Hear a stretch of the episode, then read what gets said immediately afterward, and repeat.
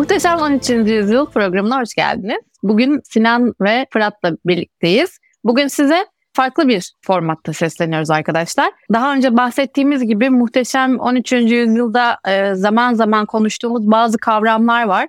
Bunları bölümler içinde açıklamak zor oluyor ama çokça isimleri geçiyor. Biz de bu kavramlar için muhteşem e, ayrıntılar başlığı altında farklı bir e, ara bölümler serisi yapmaya karar vermiştik.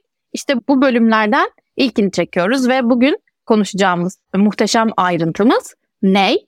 Ve bugün biz e, soracağız Sinan'la birlikte ve sorularımızı Fırat yanıtlayacak. E, hoş geldiniz arkadaşlar öncelikle.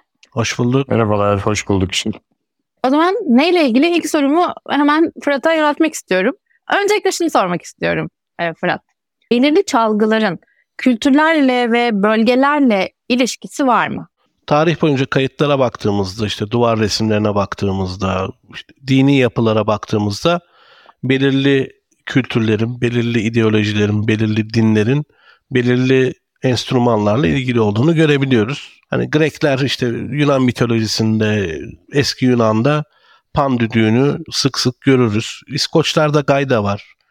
Kiliseye gittiğimizde genelde büyük ork yapılarını görürüz. İşte Romalılarda eskiden bir çeşit işte boru şeklinde borazanlar çok sık rastlanırdı. İşte o törenlerini falan hala devam ettiriyor İtalyanlar. Biraz baktığımızda işte Japonlar, Çinliler, Japonlar Yamote Bue diye böyle bir, bir boru, düdük gibi bir şey çalıyorlar. Ve hani atalarımıza da döndüğümüzde İslam öncesi uygarlıkta da şamanizm var. Onda da işte kaman davulları, baksı denilen bir müzik aleti sık sık rastlanıyor. Hemen hemen her kültürün kendine ait milli diyelim ya da işte kültürel bir müzik çalgısı var. Anladım. O zaman Peki- bunu din ve gelenek ilişkisine de belki biraz bağlarız değil mi Fırat?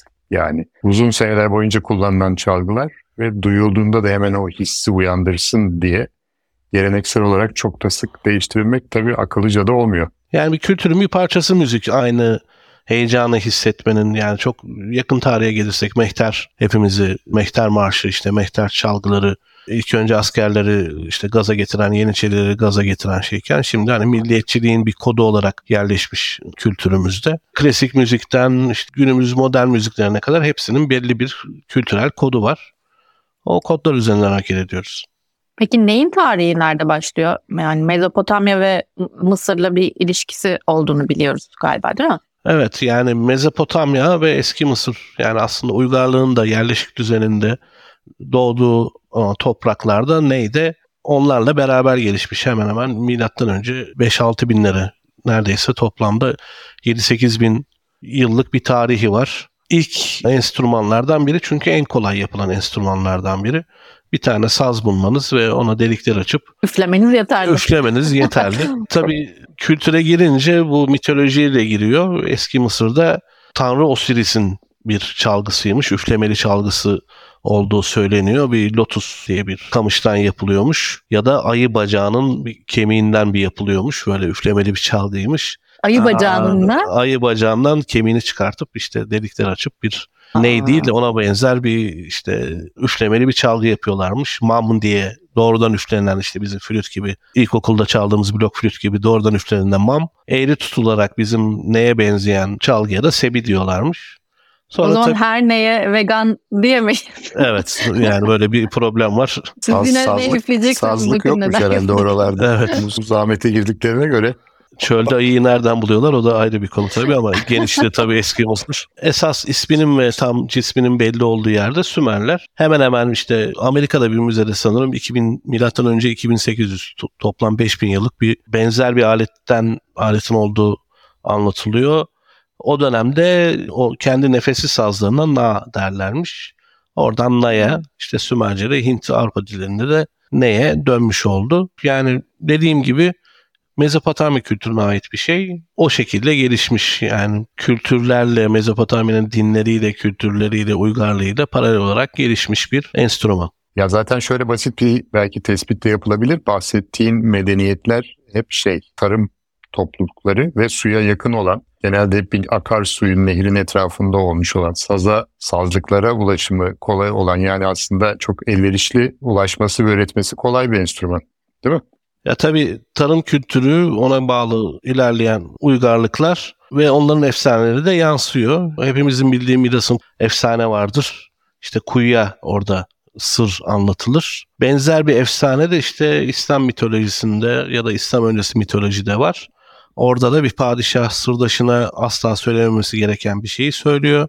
Başkanına asla anlatılmaması gereken bir şeyi anlatıyor. O sırdaş da içi içini yediği için gidip bir sazlığa bağırıyor o sırrı. Evet. Ondan sonra o sazlıktan kesilip yapılan neylerden de her çalındığında padişahın sırrı bütün dünyaya yayılıyor. Aslında sırrın üflendiği yer ve o sırrın neyin içine üflenip neyin içine işlenip bütün dünyaya yayılmasını görüyoruz. Yani dini metinlerde ve mitolojide de bir yeri var o zaman neyin?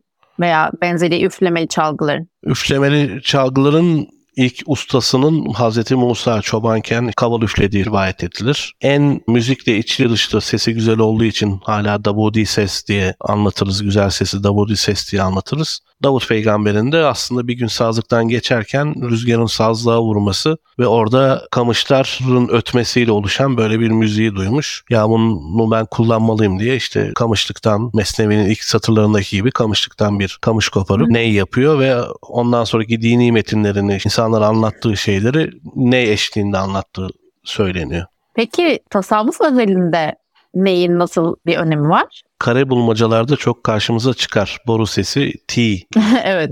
karşımıza çıkar. Flüt için fu sesi çıkarmış ya da tu sesi çıkarmış. Neyde üflerken ve çıkan sesin hu'ya benzediği. İşte hu çekmek, hu söylemek işte. Ha, oradan mı geliyor mu? Oradan gelen bir şey var. Bir de hani iç rahatlatıcı bir ses. Çıkan çok böyle baskın insan sesini ya da rahatsız edici bir ses değil. Huzur veren bir ses. Belki frekansı da beyin dalgalarıyla eşleşiyordur bir şekilde. Evet yani hani olabildiğince insanları huzura getiren, huşuya getiren ve dediğim gibi işte haydan gelen hu'ya gider sözünde olduğu gibi hu sesini andıran bir ses çıkartıyor. Üflerken de hafif hu sesi veriliyor ve oradan bir paralellik kurulmuş ve aslında kültürel olarak da yine Mezopotamya, Fırat ve Dicle nehirleri eski Fars coğrafyasında da yaygın bir çalgı olduğu için kültürel olarak da uyuyor zaten. Tasavvuf Nefes bağlantısı da var değil mi? Ve sesi gereği sanki. Evet yani dediğim gibi hepsi nefesli çalgı, hepsi üflemeli çalgı tabii ama üflerken neyi üflerken neyi çalınmaz üflenir. Neyi üflerken hu sesi onun verdiği huzur, onun verdiği Allah'a yaklaşma hissi neyi biraz sufilikte, tasavvufta favori alet haline getirmiş, favori müzik aleti haline getirmiş. Neyden başka enstrümanlar var mı peki tasavvufta? Yani ritim çalgıları var. Kudüm gibi. Gene ilerleyen çağlarda işte kanun giriyor telli çalgı olarak. Tasavvuf dışında tabii muhteşemlerimiz arasında Hacı Bektaş ve biraz daha farklı bir meşrebe sahip olan insanları da tanıyacağız, anlatacağız. Orada da saz çok önemli bir çalgı. Orada hani söz söylemek, saz çalmak yine dini anlamlar taşıyan, dini manalar taşıyan çalgılar arasında. Peki Orta Asya'dan mı taşınıyor Fırat saz demişken? Saz Orta Asya'dan evet kopuz bildiğim kadarıyla ama tabii onu özel bölümünde ayrıca araştırarak sizlerle paylaşırız. Peki enstrüman olarak neyin kullanılmasının sebebini anladık ama bir de analoji olarak da ney çok kullanılıyor değil mi? Mesela Mesnevi'de çok kullanıldığını görüyoruz ney enstrümanının anlamsal olarak da. Yani özellikle Eray geçtiğimiz bölümlerde bahsetmişti bundan ilk 4 beyti anlatırken. ilk 18 beytin neredeyse yani Mevlana'nın kendi yazdığı Mesnevi'nin giriş beyitleri olan ilk 18 beytin tamamında ney anlatılıyor. Zaten hani üçüncü kelime bişnevez ney. Farsça başlarsak üçüncü kelimesi Mesnevi'nin ney. 18 beytte sembolleştiriyor. Neyi dinle diyor. Çünkü ney bir şeyler anlatıyor sana. Bir şeylerden haber veriyor diyor. Ayrılıklardan şikayet ediyor. Kendi ayrılığını, kendi iç yolculuğunu anlatan bir alet, müzik enstrümanı oluyor. Hoca Neşet diye bir Mevlevi var. O güzel anlatıyor bu Mevlevilik ve ney ilişkisini. Aşk neyzenden biz de neyden başka bir şey değiliz diyor.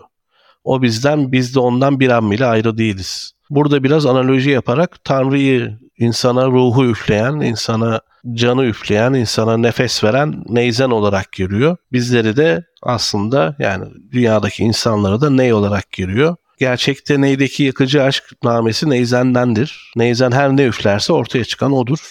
O bir an bizsiz, biz bir an onsuz değiliz diye Neyzen ve ne ilişkisini aslında biraz Tanrı ve insan ilişkisi üzerinden kuruyor. Peki şunu merak ettim. Hangisi önce geldi?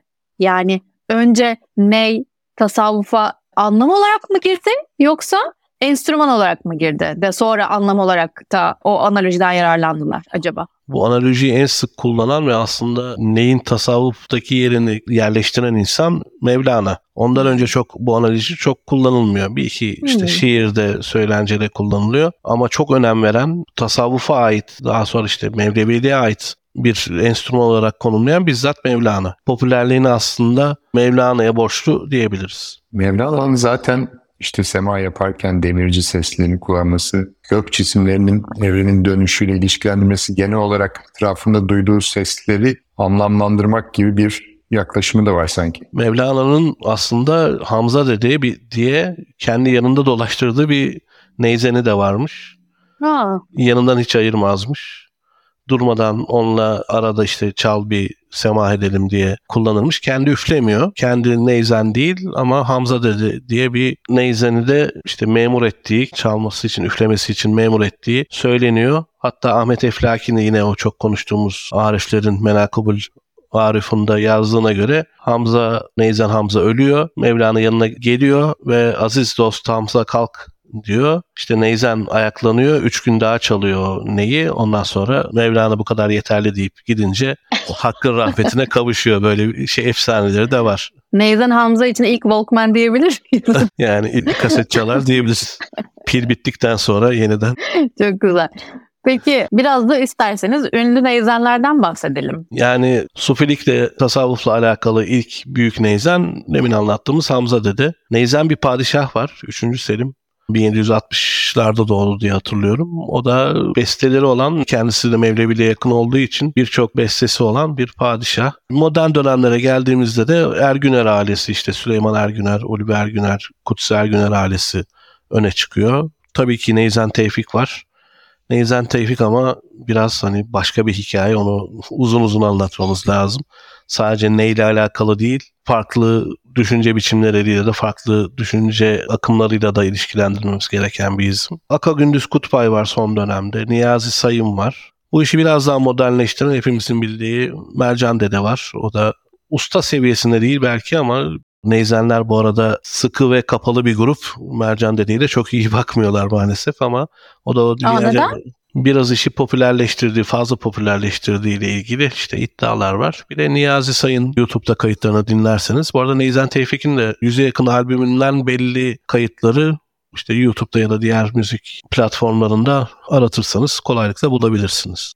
Peki o zaman son olarak eklemek istediğim bir şeyler var mı neyle ilgili e, diye sorayım ve bu güzel bölümümüzü toparlayalım. Ben müzisyen değilim. Hiçbirimiz müzisyen değiliz. Hani ne kadar yetkiniz bu konuda tartışılır. Yani dinleyici olarak seviyorum. Ama parçalar ve teknikleri üzerinden kısaca çünkü çok güzel benzetmeler var orada.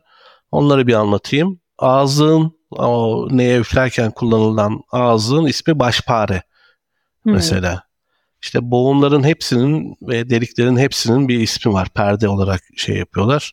Perde olarak anlatıyorlar. Beşinci boğumdaki arkadaki delik aşiren perdesi olarak anlatılıyor. İşte öndeki delikler neva perdesi, hicaz perdesi, çargah perdesi, segah Hmm. perdesi, kürdi perdesi, dügah perdesi diye onların hepsinin ayrı makamlara, ayrı seslere yönelik güzel isimleri var. Bir de çeşitleri var. Bunların uzunluğa göre, işte küçüklüğüne göre değişiyor. Bir Davut neyi var, Şah neyi var, Mansur neyi var, Kız neyi diyen biraz daha hani maalesef seksist bir benzetme olmuş ince sesli bir ney var. Müstahsen, süpürde, bolahenk diye adlandırılan neyler de var. Bunları tabii çalmaya başlayınca yani. uzunluklarına göre, deliklerin yerlerine göre çok da tekniğine hakim değilim tabii. Biraz öyle farklı çeşitleri de var. Bunları da hani merak ederseniz çalmaya başlarsanız internette de işte neyzen.com diye hatırlıyorum. İşte kaynaklar da var, metotları da var. Yavaş yavaş başlayıp siz de üfleyebilirsiniz diye son tavsiyemizi veririm.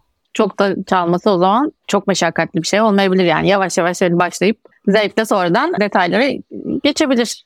Yani küçükten başlayınca o kısa olanlardan başlayınca biraz daha kolay ama uzun o Davut denilen padişah şah neyi denilen aletleri çok üflemek işte ciğerdeki neredeyse bütün Hmm.